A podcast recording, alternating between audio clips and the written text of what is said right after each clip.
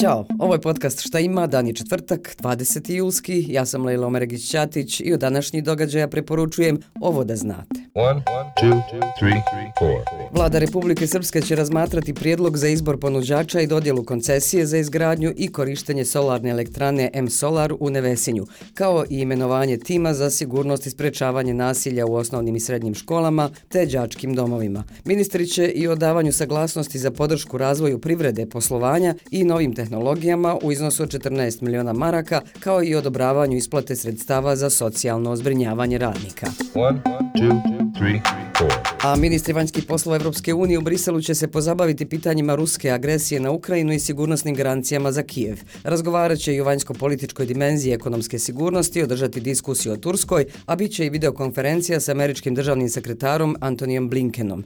Mislim, ovo tek da znate kako i kamo se kreće Unija. Ajmo dalje.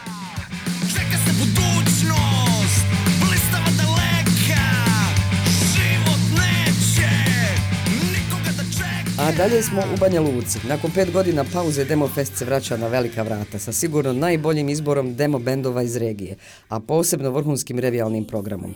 Dakle, od danas pa do subote Banja Luka je ponovo u znaku Demo Festa, a za šta ima o sadržaju ovog festivala govori Milica Lojić, PR festivala. Čak 358 prijava demo bendova je pristiglo za ovogodišnje izdanje Demo Festa, dok njih 19 nastupit će na velikoj bini tvrđave Kastel. Revijalni program okupit će sjajne svjetske i regionalne izvođače, poput Morčibe, Parov Stellara, Femija Kutija, Lajbaha, Dabe Feksa, Nipple Pipla, Sunshine, Koji Koji, Vizelj, Bojana Vunturišević, Maša Ravel i mnoge druge. Pored noćnog programa, tu je i sjajan dnevni program. Kontakt konferencija iz Beograda okuplja sjajne muzičke profesionalce iz regiona. Napominjemo da karte možete uzeti i na ulazu na tvrđavu Kastel.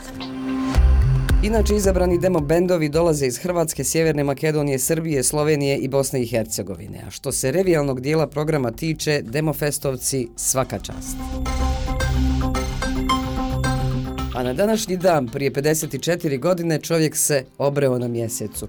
20. juli 69. Apollo 11 sletiće na mjesec, a Neil Armstrong i Buzz Aldrin postaće prvi ljudi koji su prošetali mjesecom. Sletili su na ravnicu blizu jugozapadnog gruba Mora spokojstva, tako se zove, a onda je Armstrong zakoračio na prašnjevu površinu mjeseca i svijetu odaslao istorijske riječi. one small step for man, one